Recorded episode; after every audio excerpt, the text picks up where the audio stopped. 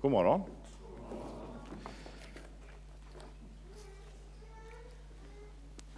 Jag ska inte dyka in i eh, det övergripande temat detox eh, så mycket. Emelie har redan exemplifierat det. Och eh, har man inte hört min kollega Magnus predika förra veckan när han introducerade det här temat så gör det. Finns på vår hemsida Eh, finns på eh, iTunes podcasts och eh, Youtube också om man hänger där. Eh, så eh, lyssna på, på det så får ni en, en bra ingång till det här med vad som kan bli gift i, i våra liv. Och nu så vill jag dyka in i en av de här specifika sakerna, oförlåtelse. Vad är det? Förlåtelse, det, det vet vi vad det är, men vad är oförlåtelse egentligen?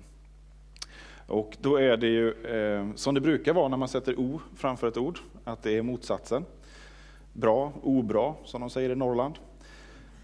Oförlåtelse, där har vi eh, alltså, olika anledningar till att inte förlåta. Det kanske är eh, inte förmågan att förlåta eller inte viljan eh, att förlåta.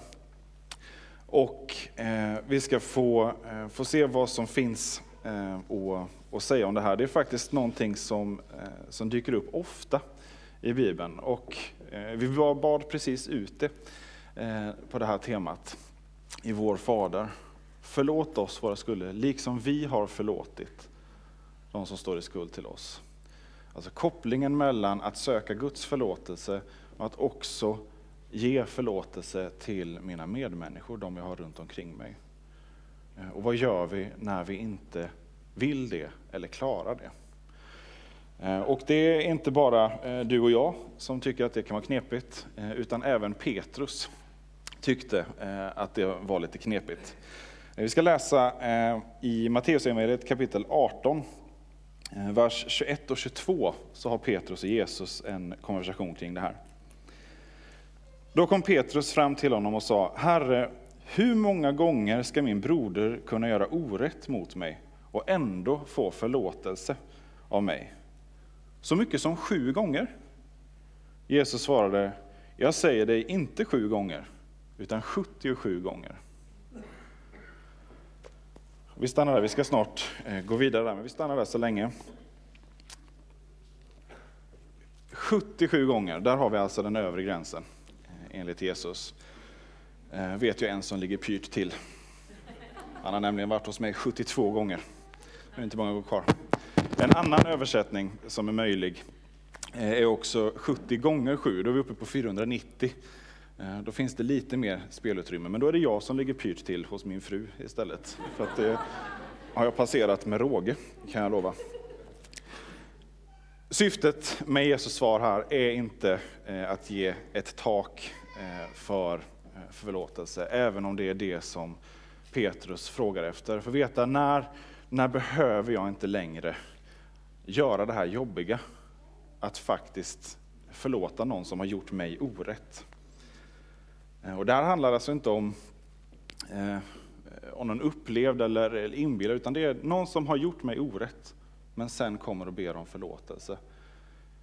Hur länge, hur många gånger måste jag kunna eh, stå ut med det? Och där är traditionen på den här tiden, sa man tre gånger. Eh, tre gånger. Sen så eh, har man visat att man inte kan eh, leva upp till sitt det, eh, löftet som också ligger inbakat i att be om förlåtelse, att jag vill inte göra det här mer. Tre gånger, vad man sa. Så att Petrus tycker här att han är lite generös när han frågar Jesus. Traditionen säger tre och han säger så mycket som sju gånger. För det, det kan jag ta. Och Jesus säger nej, inte sju gånger utan 77, eller en annan möjlig översättning, 70 gånger sju. Poängen är fortfarande densamma. Eh, det finns inte ett övre tak. Eh, och översättningen 70 gånger 7 eh, kanske är lite roligare i alla fall. I första Mosebok kapitel 4 så berättas det om en av Kains ättlingar, Lemek, Eh, där han skryter om sig själv eh, att han är en, eh, en man som är ganska frikostig med hämnd, med våld. Att ett litet sår, det hämnas han med att slå ihjäl den andre. Lemek hämnas 70 gånger 7 gånger.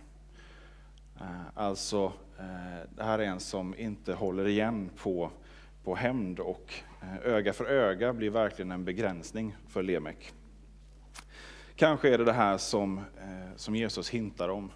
Alltså den här extrema blodshämndshållningen som finns omvittnad genom historien.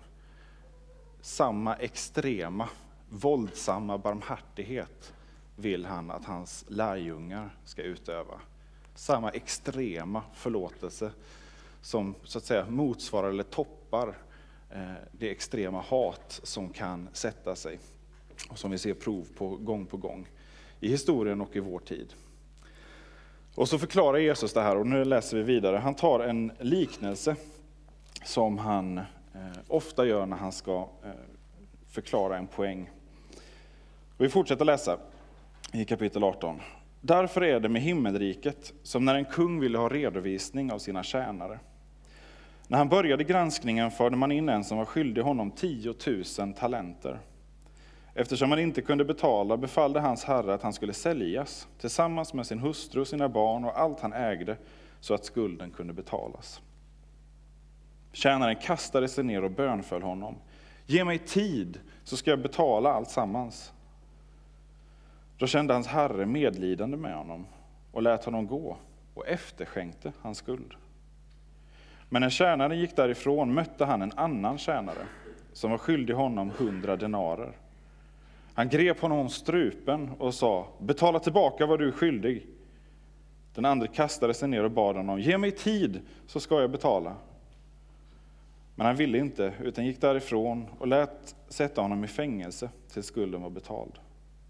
När de andra tjänarna såg vad som hände tog de mycket illa vid sig och talade om allt sammans för sin herre.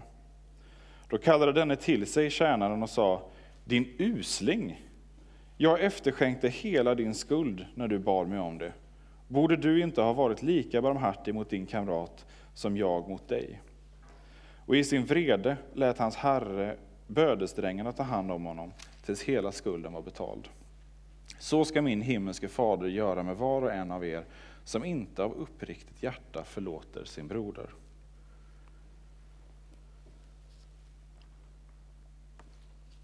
Och helt plötsligt så finns det en annan tyngd i Petrus fråga och framförallt i, i Jesus svar. Motivet till förlåtelse är inte att hålla koll på antalet gånger eller eh, vad taket är. Utan motivet är att vi förlåter därför att Gud först har förlåtit oss. Som det står i första Johannesbrevet, vi älskar därför att Gud först har älskat oss. Och återigen så tar Jesus fram ett helt absurt tal för att, att visa eh, vad det här handlar om. Den här skulden som eh, den första tjänaren är, är skyldig, 10 000 talenter. Är det någon som på rak arm kan eh, gissa vad det är i dagens penningvärde? Om ni har koll på mynt från biblisk tid? Nej. Eh, det är lite vanskligt att räkna om till dagens värde eh, såklart, men omkring 70 miljarder. Där har ni en eh, så. Jag kan ha räknat fel på några miljoner. Poängen är inte den exakta siffran, men 10 000 talenter. När vi läser det så kanske vi tänker, ja men 10 000 kronor. Nej, 70 miljarder. Det är liksom, eh, det är en helt ofattbar summa. Det är vad den här första tjänaren är skyldig sin herre. Han jobbar åt sin herre. Jag eh, vet inte om det är att han har lånat pengar av honom eller det är så att han eh, helt enkelt har förvaltat ekonomin och det är så här mycket han har eh, slarvat bort för att han inte har eh, skött räkenskaperna ordentligt. Men han är åtminstone skyldig 70 miljarder. Ge mig bara lite tid så ska jag betala tillbaka. Är hans svar. Ge mig bara lite tid så ska jag arbeta av 70 miljarder. Låt oss säga att han jobbar av en krona i sekunden. Hur lång tid tar det då? Ja, efter 30 år, då har han betalat av en miljard. Så förstår ni hur mycket 70 miljarder är. Det är en ofantlig summa pengar. Det är obetalbart. Det finns inte en susning att den här tjänaren, en enkel tjänare, skulle kunna betala tillbaka det här. Det förstår hans herre. Han ser det och han får medlidande med honom. Kanske också på grund av den här naiva inställningen, ge mig bara lite tid. Hans herre får medlidande med honom, låter honom gå och efterskänker hela skulden. Och på väg därifrån så möter den här tjänaren sin kollega, eh, sin broder. Och när han får syn på honom rusar han fram, tar stryptag på honom. Han griper honom om halsen och säger betala tillbaka de hundra denarer du är skyldig. Vad är hundra denarer då? Är det ingen struntsumma. Kanske kring 100 000 i dagens penningvärde. Vi snackar en ganska stor del av årsinkomsten eh, för de här tjänarna.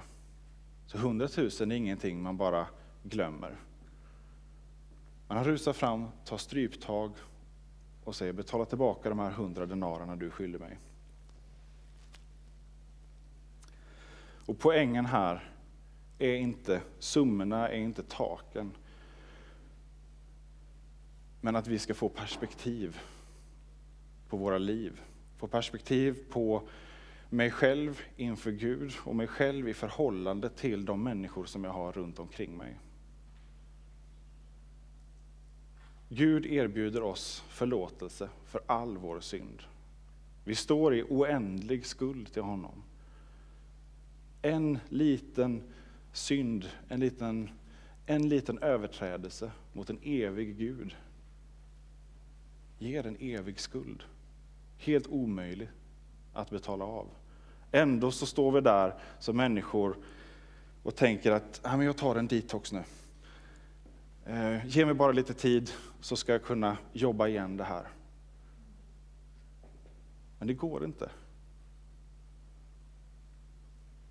En oändlig skuld. Men som Gud säger, du kan gå. Jag efterskänker den. Gud efterskänker oss all skuld. Han slätar inte över den, han säger inte att det inte spelar någon roll utan han väljer själv att gå i döden. Jesus som själv inte visste vad synd var, så fri från synd är han. Han gjordes till ett med synden. Det är en smärta som vi inte kan föreställa oss. Korsfästelsen med spikarna genom handledens nervknutar och att hänga där sönderpiskad och att behöva dra sig upp för att kunna andas i timmar. Den smärtan är ingenting mot det priset som Jesus betalar när han tar synden in i sin kropp.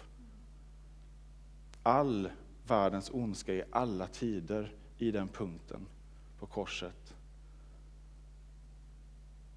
så betalar han den skulden. Och så säger han, du kan gå. Jag har betalat din skuld. Det är de 70 miljarderna. Det är det obetalbara. Och det är vad du och jag erbjuds av Gud att få efterskänkt. Om jag inser vidden av min synd, som bara Gud själv kan uppenbara för mig på riktigt. Vi behöver Guds ande för att förstå det. Har jag insett vidden av min synd, ja då kan jag också inse vidden av den förlåtelse som jag har fått. Och då hamnar mina medmänniskors oförrätter gentemot mig i ett annat ljus. Det blir inte automatiskt enkelt.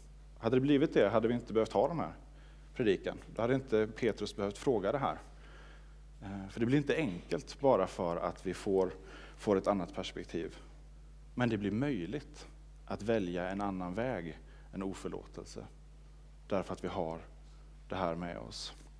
För med den förlåtelse som vi får av Gud så följer också ett nytt liv. En ny människa. En Kristuslikhet som han vill forma oss till. Dag efter dag, ett pågående arbete. Där vi får arbeta på vår frälsning. Vi får se hur, hur vi varje dag upptäcker nya saker som läggs till skuldebrevet som är fastspikat på korset och som vi får be om förlåtelse för. Vi får tacka för att också den synden eh, är, är betald. Och varje dag också öva oss i den här Kristuslikheten. Att också förlåta de som står i skuld till oss. Varför är det här så svårt då? De här hundra denarerna. Det är ändå, det är ändå hundratusen, kanske till och med 120 000. Varför är det så svårt? Varför springer den här mannen fram och tar stryptag på sin kollega? Hade han tänkt rationellt och sakligt så har han precis tjänat 70 miljarder. Då hade han kanske kunnat låta det gå, men han tänker inte så. Och vi tänker inte så, jag tänker inte så. För det här är en emotionell, känslomässig, spontan reaktion. Det här sitter i honom. Och så griper han tag i den här mannen och tar strypgrepp. När vi blir sårade, när människor gör orätt mot oss, så är det inte bara räkenskap plus och minus på ett konto. Eh, det handlar inte bara om, om siffror, hur många gånger jag kan förlåta eller eh, hur, eh, hur illa det är, eller sådär, för det sätter sig. När människor gör saker mot oss så såras vi. Och de här såren gör att vi inte alltid agerar särskilt rationellt eller, eller sakligt och framförallt inte Kristuslikt. Och så fastnar den här oförlåtelsen i oss på grund av de såren som, eh, som har skapats hos oss. Och så blandas det upp också med vår egen synd och så blir det helt plötsligt svårt att skilja eh, vad som är vad i det här. Och så blir oförlåtelsen, när vi inte är förmögna eller när vi inte vill eh, Eh, förlåta, det blir som ett gift som äter sig eh, inåt och som till slut kanske drabbar mig hårdare än den som jag skulle behöva ge förlåtelse.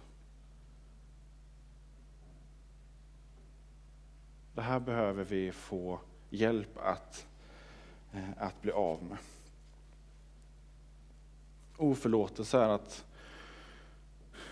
det är att hålla fast vid den rätt jag tycker att jag har. Eh, någon annan har gjort sig, eh, sig skyldig mot mig och jag har nu makten i min hand att antingen förlåta den här personen eller att hålla det här mot honom eller henne. Och då är vi inne och snuddar på det som är så svårt för oss människor att hantera, makt. Vi är inte gjorda för att ha makt. Men synden i oss längtar efter att få utöva makt. Det är därför det blir så vanskligt.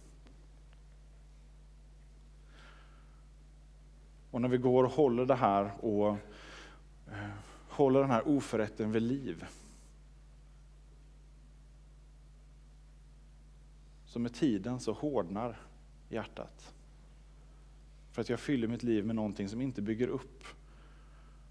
Men som håller det här såret vid liv, som hela tiden gnuggar upp det här såret.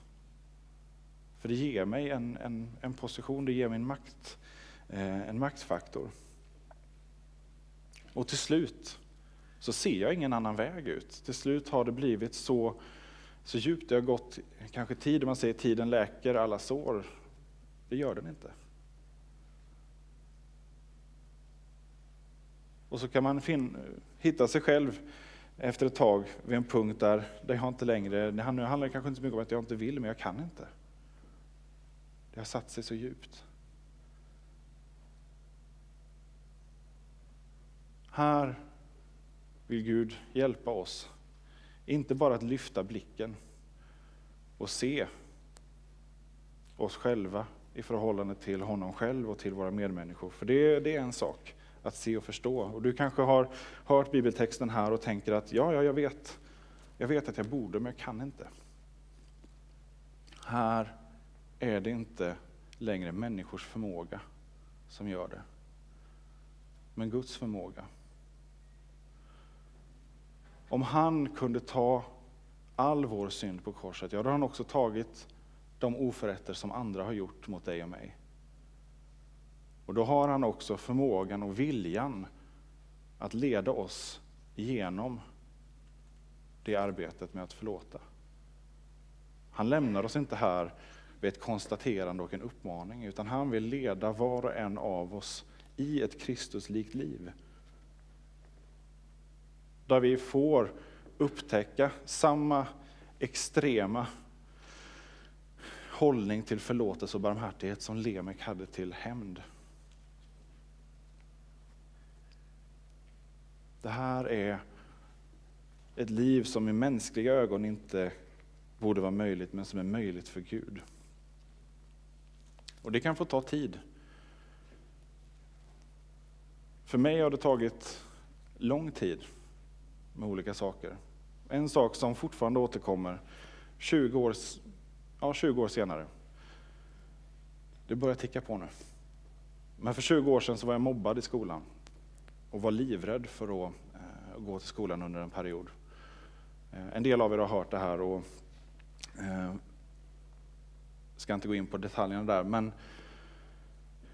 det var eh, det som hände med mig var inte bara rädsla, utan det som började växa där var ett hat emot de här killarna som gjorde det här mot mig.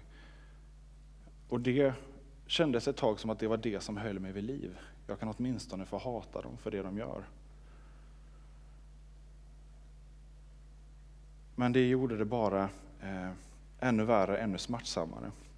Och jag hade turen att få bli upplockad av en eh, ungdomsledare i församlingen eh, som brukade komma och ha rastandakt på skolan, som jag hade goda samtal med. Och sen så eh, sammanföll det också med året jag skulle konfirmeras, åkte iväg på läger och mötte några eh, otroligt bra eh, kristna ledare eh, som hjälpte mig att be för det här. Eh, bönen påverkade situationen i skolan. En av de som mobbade mig, efter ett tag kom han och bad om förlåtelse. Uttryckligen, på sitt sätt. Men Eh, det var ändå en bön om förlåtelse.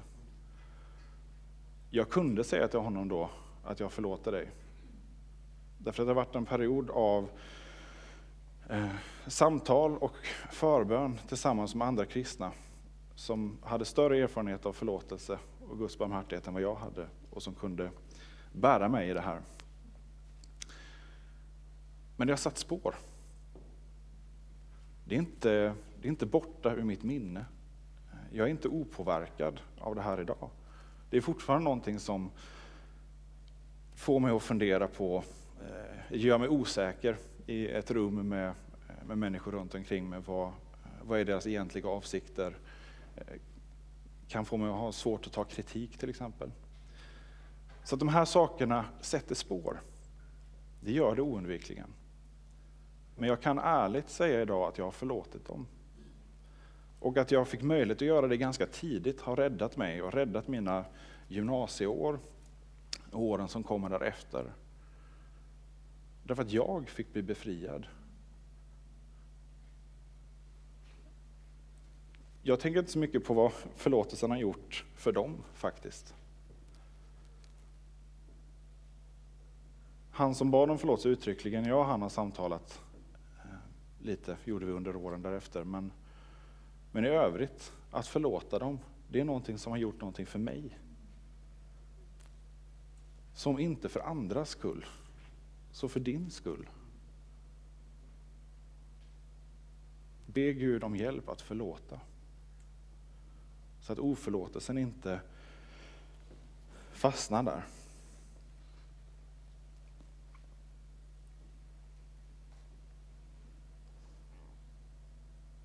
Och det Jesus säger är en uppmaning om att vi ska förlåta med uppriktigt hjärta. Och där där är knäckpunkten i det. För den här lekplatsförlåtelsen, ett barn slår ett barn och så säger man, oh, för, säg förlåt nu, ja, förlåt. Och så kramas ni. Mm. Ja, det kanske är en bra övning på väg, men bättre tror jag det är. Eh, och jag ska inte säga så mycket om barnuppfostran, jag har inte kommit så långt där än eh, och har mycket kvar att upptäcka. Men, men att förstå varför ska jag be om förlåtelse och varför ska jag förlåta är mycket viktigare än att pressa fram ett förlåt och en kram. Eh, och det här gäller oss också i vuxen ålder. Det här handlar inte om att pressa fram en förlåtelse, utan att förstå varför det är så viktigt att leva. Det här är så viktigt för Gud att han själv väljer att gå i döden för det. Då måste, då måste det vara viktigt också för oss eh, att leva i. Kan jag inte göra det här själv? Bra, jättebra, om du inser att det här kan jag inte. För då behöver du vända dig till Gud. Och det är bara med, han, med honom som vi kan eh, komma igenom det här. Att inte utnyttja vår rätt. Återigen, det här handlar inte om att saker blir ogjorda eller eh, att det inte ska få ha sina konsekvenser. För det ska det.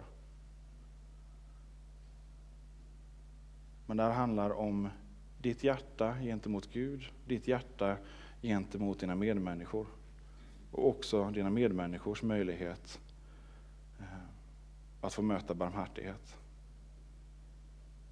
Så att vi inte går Lemeks väg och märker att om jag hämnas dubbelt så hårt så fick de mig inte att må bättre. Så jag testar tio gånger så hårt, eller 70 gånger så hårt. Så många filmsekvenser det finns om människor som har hämnats någon oförrätt och som frågar på det. Känns det bättre nu? Nej. Men så oändligt många mer vittnesmål det finns om förlåtelsen och hur den kan få låsa upp hjärtat och själen på ett helt otroligt sätt. Det är inte världens villkor. Det är himlens villkor. Och det är himmelriket som vi först och främst är medborgare i. Och det är himlens villkor vi kan få leva utifrån. Det tydliggör att det här inte är av mig själv, men med Guds hjälp. Så kan jag få gå förlåtelsens väg. Och då menar jag verkligen gå förlåtelsens väg. För många gånger är det en process. Att få besluta sig om att förlåta, att arbeta på att göra det och kanske också eh, uttryckligen ge förlåtelsen till den personen som det berör. Istället för oförlåtelse, ofrid, obarmhärtighet så kan vi få frihet och förlåtelse, förbarmande.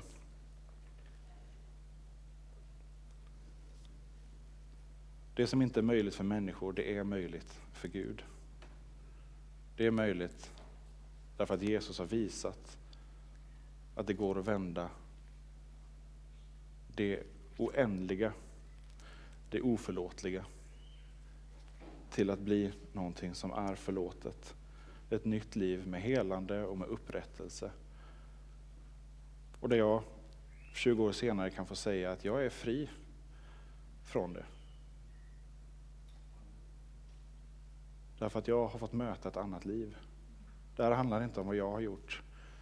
Det handlar om vad Kristus har gjort för mig och vad mina bröder och systrar har burit mig i. Så låt Kristus bära dig och låt eh, dina bröder och systrar bära dig i ditt arbete eh, för att förlåta den som du behöver förlåta. Vi ska strax fortsätta och sjunga lovsång och det finns möjlighet till förbön. Och jag vill uppmuntra dig att ta den möjligheten. Eh, ibland så är det så att vi behöver mycket hjälp eh, att få, få bära fram det här i bön tillsammans med, med någon annan. Eh, har fått hjälpa mig att komma igenom. Eh, så gå till förbön. Det finns eh, människor nere vid korset och i andaktshörnan och eh, vid sidan där som gärna ber för dig. Och kanske är det också så att du har en person som du vet att du behöver be om förlåtelse eller behöver förlåta som är här. Ta det tillfället om du kan. Det som inte har blivit gjort, kanske är det dags nu. Eh, kanske kan ni gå och söka förbön tillsammans och få hjälp att få, eh, få jobba på försoningen där. Var med mig och be. Tack Fader för att du inte håller vår skuld emot dig. Eh, att du inte håller den emot oss. Tack för att du har för oändlig skuld givit oss oändlig förlåtelse. Tack för att det inte finns något tak på din förlåtelse för oss, Herre. Jag ber om din nåd nu över våra liv, att vi ska kunna få leva i den förlåtelsen. Hjälp oss att förlåta de som står i skuld till oss. Hjälp oss att göra det för Eh, för deras skull, för vår egen skull, för din skull, Jesus. Jag ber att du leder oss med din heliga Ande och ger oss eh, blick på perspektiv på eh, vårt liv och våra medmänniskors liv. Och jag ber att där det tar stopp för oss så ber jag om att du leder oss var och en, eh, på det sätt som vi behöver. Led oss in i ett ännu mer Kristuslikt liv, där vi får öva oss i barmhärtighet.